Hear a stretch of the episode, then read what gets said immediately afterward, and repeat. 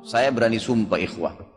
Orang ini tidak punya ilmu agama dan imannya masih sangat tipis.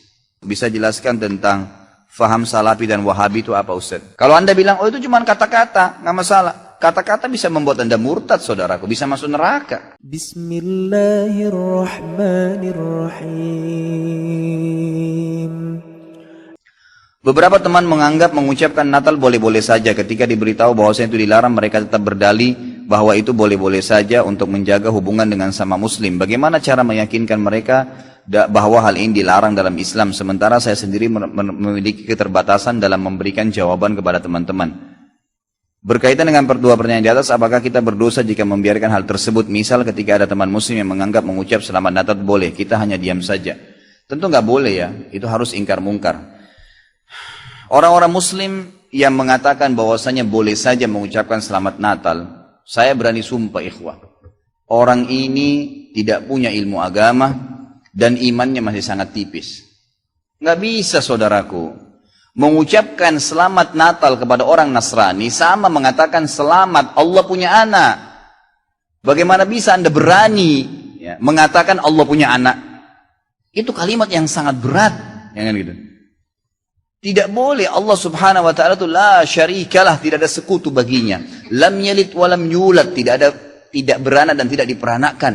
Dan Allah subhanahu wa ta'ala telah mengkafirkan orang-orang Nasrani dalam surah Al-Ma'idah. A'udhu billahi minasyaitan rajim. Laqad kafar alladhina qalu inna allaha thalithu thalatha. Allah telah mencap, telah kafir orang-orang Nasrani yang mengatakan Trinitas. Nggak boleh. Ngucapin selamat berarti selamat atas keyakinan kalian yang Allah sudah cap mereka kafir dengan itu. Bagaimana bisa dikatakan untuk menjaga hubungan dengan mereka? Kalau Anda menjaga hubungan dengan orang non-muslim, orang Nasrani dengan berteman, bertetangga, partner bisnis, kan gitu. Orang tua kita yang kafir, kita silaturahim, tetap berbakti padanya. Kerabat-kerabat yang masih non-muslim, kita silaturahim, jenguk kalau sakit, membantu orang miskin mereka. Boleh saja. Tidak ada yang larang dalam Islam itu. Tapi jangan sama sekali berhubungan dengan masalah keyakinan dan ibadah mereka. Nggak boleh memang dalam masalah ibadah. Allah mengatakan, ini tadi subhanallah saya pikir antum sudah tahu nih. Ya, makanya saya ulangin lagi sebab turunnya surah Al-Kafirun.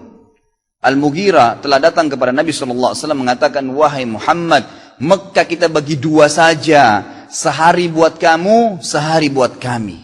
Kata Nabi SAW, saya belum faham, coba jelaskan lagi. Kata dia, sehari Muhammad, kau dukung ibadah kami. Kau ucapkan selamat buat kami. Kau ikutin ajaran-ajaran agama kami. Sehari lagi besok kami ikutin agamamu, kami ucapkan selamat untukmu, kami dukung ibadahmu. Apa jawaban Nabi SAW? Sehari-sehari. Biar adil. Kata Nabi SAW, tidak boleh. Kata dia, wahai Muhammad, sehari buat kami. Dukung kami, ucapkan selamat buat kami, ikutin ritual kami. Seminggu buat kamu. Kata Nabi SAW, tidak boleh. Muhammad, sehari buat kami, sebulan buat kamu. Tidak boleh. Sehari Muhammad buat kami, setahun buat kamu. Tidak boleh, kata Nabi SAW. Terakhir, hai Muhammad. Sehari buat kami, seumur hidup buat kamu. Sehari kamu ikutin kami, dukung ritual kami, selamat buat kami. Kalau pakai akal sehat, kalau pakai akal manusia, bukan akal sehat, akal manusia saja secara biasa, kan gitu. Kita pikir, oh lebih baik sehari kita ikutin orang kafir, dukung saja ucapin selamat sama dia, selesai. Seumur hidup akan masuk Islam. Apa jawaban Nabi SAW? Tidak boleh. Ini. Lalu Jibril AS datang pada saat itu langsung membawa surah Al-Kafirun. A'udhu billahi minasyaitan rajim. Kul ya ayyuhal kafirun. Katakan kepada orang-orang kafir. Orang kafir ini semua yang tidak syahadat yang tidak mengatakan asyhadu an la ilaha illallah wa anna Muhammad Rasulullah kafir. Jelas kafir dan itu Allah yang mencap mereka kafir, gitu kan? Kafir artinya tidak beriman kepada Allah Subhanahu wa taala. Orang Nasrani aja mengkafirkan Yahudi kok. Kan itu. Yahudi mengkafirkan Nasrani, mengkafirkan Muslim. Kenapa orang Muslim nggak bisa mengkafirkan? Karena sementara kita jelas-jelas meyakini ke kenabian Muhammad Musa, meyakini ke, kenabian Isa alaihi Gitu kan? Mereka yang memungkiri Nabi Muhammad SAW, Nabi terakhir berarti tidak beriman sempurna kepada Allah Subhanahu Wa Taala. Dan sudah banyak ayat Quran menjelaskan masalah itu. Gitu kan? Kata Allah Subhanahu Wa Taala, ya, Kul ya ayyuhal kafirun, la a'budu ma ta'budun. Semua Yahudi, Nasrani, Majusi, penyembah api, penyembah gunung, penyembah pohon, penyembah apa saja. Semua selain yang tidak syahadat ini, Saya tidak ikut-ikutan acara ritual kalian. Tidak akan ucapin selamat buat kalian. Tidak akan pakai atribut-atribut kalian. Dan kalian juga tidak usah repot-repot ikutin agama saya. nggak usah. Kita nggak butuh Nasrani. Saya tanya, di, di, pada saat sholat idul fitri, ada orang Nasrani ikut-ikutan? Idul Adha, gitu kan? Mereka berurus dengan agamanya sendiri. Kenapa orang Muslim pusing dengan acara uh, uh, ritualnya orang lain? Diulangi lagi. Ya, setelah dikatakan kalian tidak usah ikut-ikutan, saya tidak usah ikut-ikutan juga, diulangi lagi. Wala antum ma'budun ma'bud, wala na'abidu ma'abadtum, wala antum ma'budun. Dua kali di, diulangi.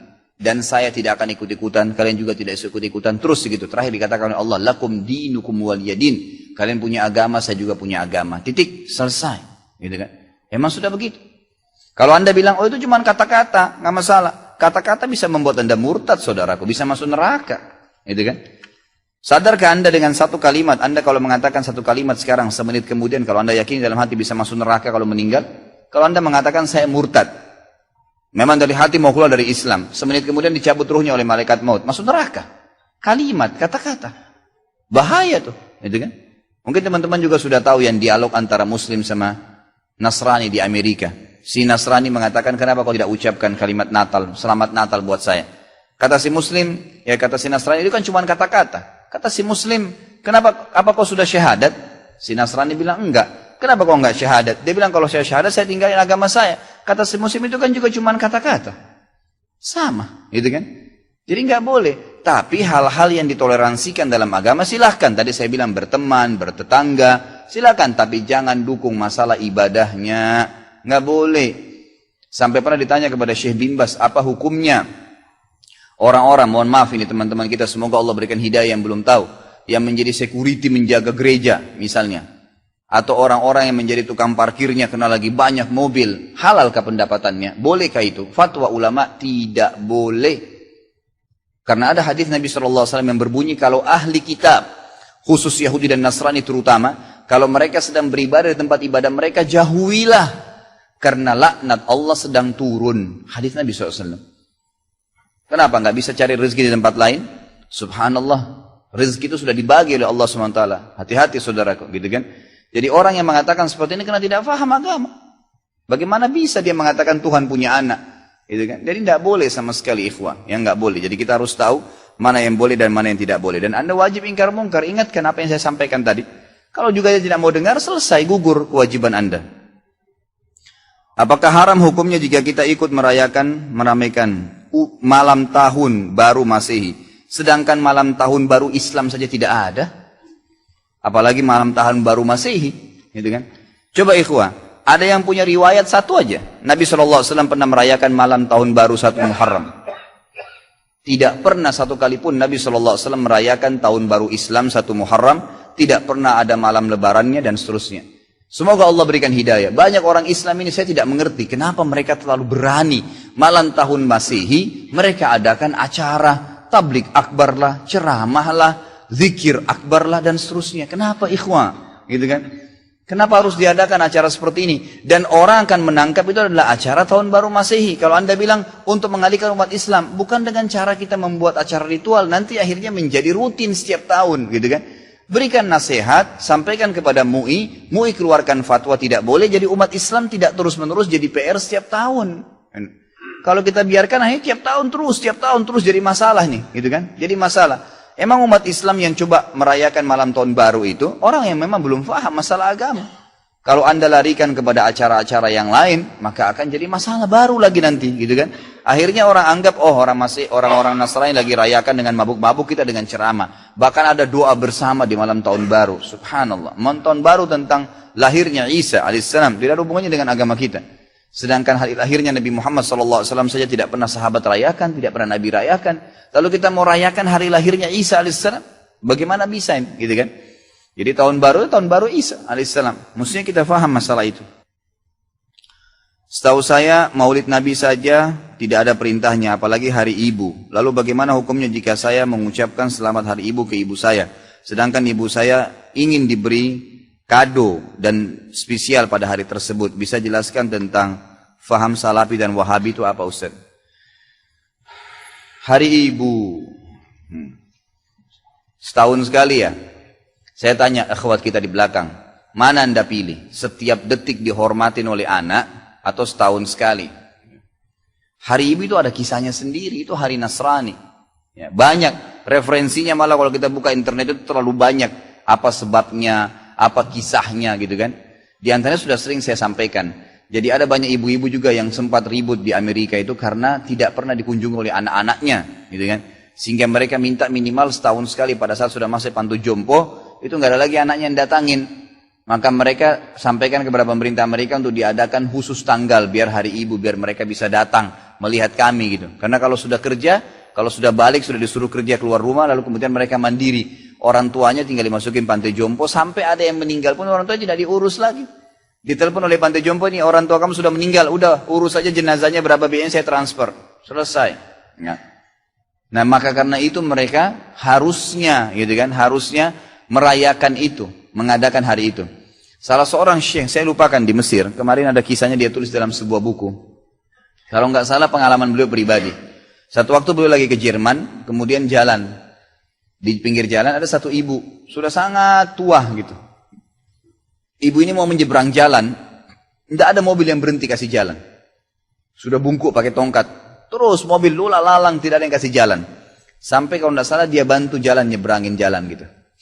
Lalu dia bilang pada bukunya itu, mungkin ibu-ibu ini atau nenek ini pada saat dia masih muda, kalau dia jalan, semua mata akan melihat ke arahnya. Tapi begitu dia sudah tua begini, tidak ada yang mau kasih jalan aja, tidak ada yang kasih. Dan ini sangat berbeda kalau dalam Islam.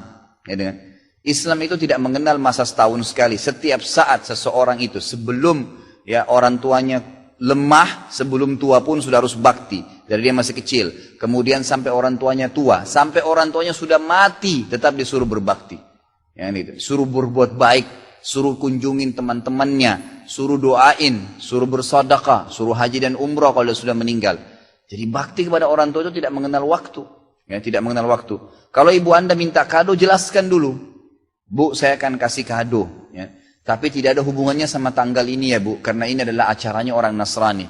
Ibu setiap saat minta apa pun saya kasih. Ibu apa pun yang ibu butuhkan selama saya mampu saya kasih. Sebagai bentuk perintah dari Allah bakti dengan ibu. Gitu kan. Jelaskan, berikan penjelasan. Itu termasuk amr ma'ruf dan nahi mungkar. Kalau masalah salafi, salafi itu diambil istilah sebenarnya. Teman-teman kita yang berdakwah sekarang di Indonesia ini berfaham sunnah. Termasuk mungkin pengajian kita ini sering kali dikatakan pengajian salafi, pengajian wahabi. Karena setiap kali dalam pengajian-pengajian ini kita selalu mengatakan salaf ummah. Ada ada uh, orang-orang terdahulu sebelum kita dari kaum salaf ummah. Salaf ini yang telah mendahului. Itu yang dimaksud sahabat dan tabi'in. Itu yang dimaksud dengan kaum salaf. Ya, kaum salaf. Salaful ummah telah berkata seperti ini para sahabat dan tabi'in.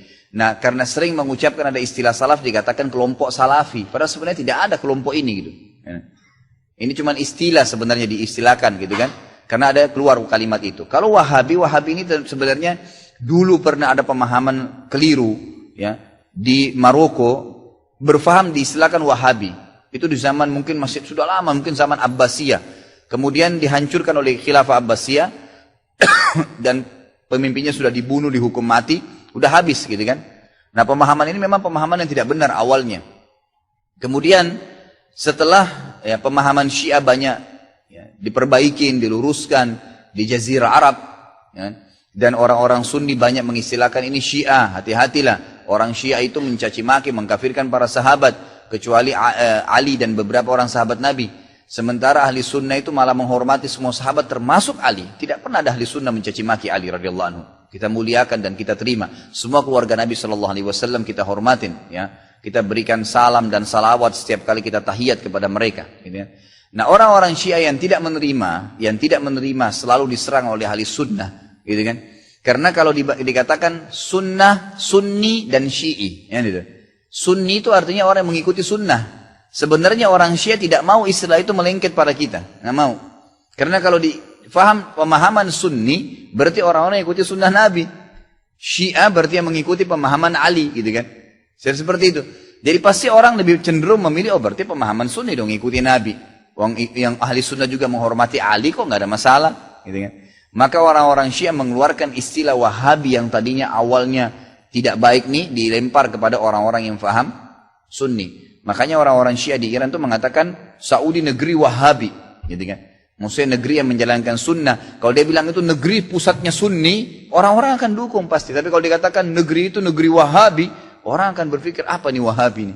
Bisa saja orang kembali kalau baca sejarah ke histori buruk tentang kisah wahabi yang awal tuh. Yang memang tidak benar gitu kan. Padahal tidak pernah sama sekali ada istilah wahabi. Saya tinggal di Saudi, waktu saya mau berangkat pertama, subhanallah, tahun 90, sekolah di Madinah. Waktu itu masih kelas SMA ya. Kemudian ada teman-teman ayah saya ya, sempat mengatakan, nanti Khalid di sana ambil ilmunya, tapi jangan sampai kau jadi Wahabi. Saya berangkat terus terang, saya pikir Wahabi ini momok monster yang menakutkan. Setiap kali ada guru saya masuk, dosen saya masuk, saya selalu ini, ini Wahabi nih. Yang berjenggot ngomong apa nih Wahabi nih. Gitu. kan. Selalu begitu, gitu kan. Karena ayah saya seorang yang dikenal, gitu kan, seorang yang tokoh masyarakat di Makassar. Jadi pasti mereka tahu saya balik saya akan gantikan beliau minimal itu gitu kan. Maka saya pun berhati-hati sekali. Subhanallah mungkin tiga bulan sampai enam bulan pertama itu semua momok yang kayak menakutkan. Tapi setelah saya muhasabah diri saya, nggak pernah orang-orang ini nggak ada omongan kasar dan selalu yang keluar dari mulut mereka, kalau Allah, kalau Rasul. Allah berfirman, Rasulullah bersabda. Kalaupun dikuatkan, sahabat Abdullah bin Umar berkata, Abdullah bin Abbas berkata, selalu begitu. Tidak pernah ada, ini pendapat saya, oh ini pendapat Wahabi. Nggak ada. Kalau orang Syiah selalu, kelompok Syiah, kelompok Syiah, selalu digembar-gemborkan Syiah. Kita tidak pernah, tidak ada begitu. Lalu saya bilang, ini pemahaman yang salah. Kira-kira bagaimana caranya saya ambil ilmunya, saya nggak jadi Wahabi, ini bagaimana modelnya? Nggak bakal nyambung kalau emang ini dikatakan Wahabi berarti pemahaman ini benar selalu kalau kalau Allah kalau Rasul dari mana nih? Lama kelamaan saya tamat sampai S1 baru saya paham oh ini istilah yang digunakan oleh orang-orang Syiah untuk menjauhkan orang bahkan dari pemahaman Sunni yang benar. Seperti itu.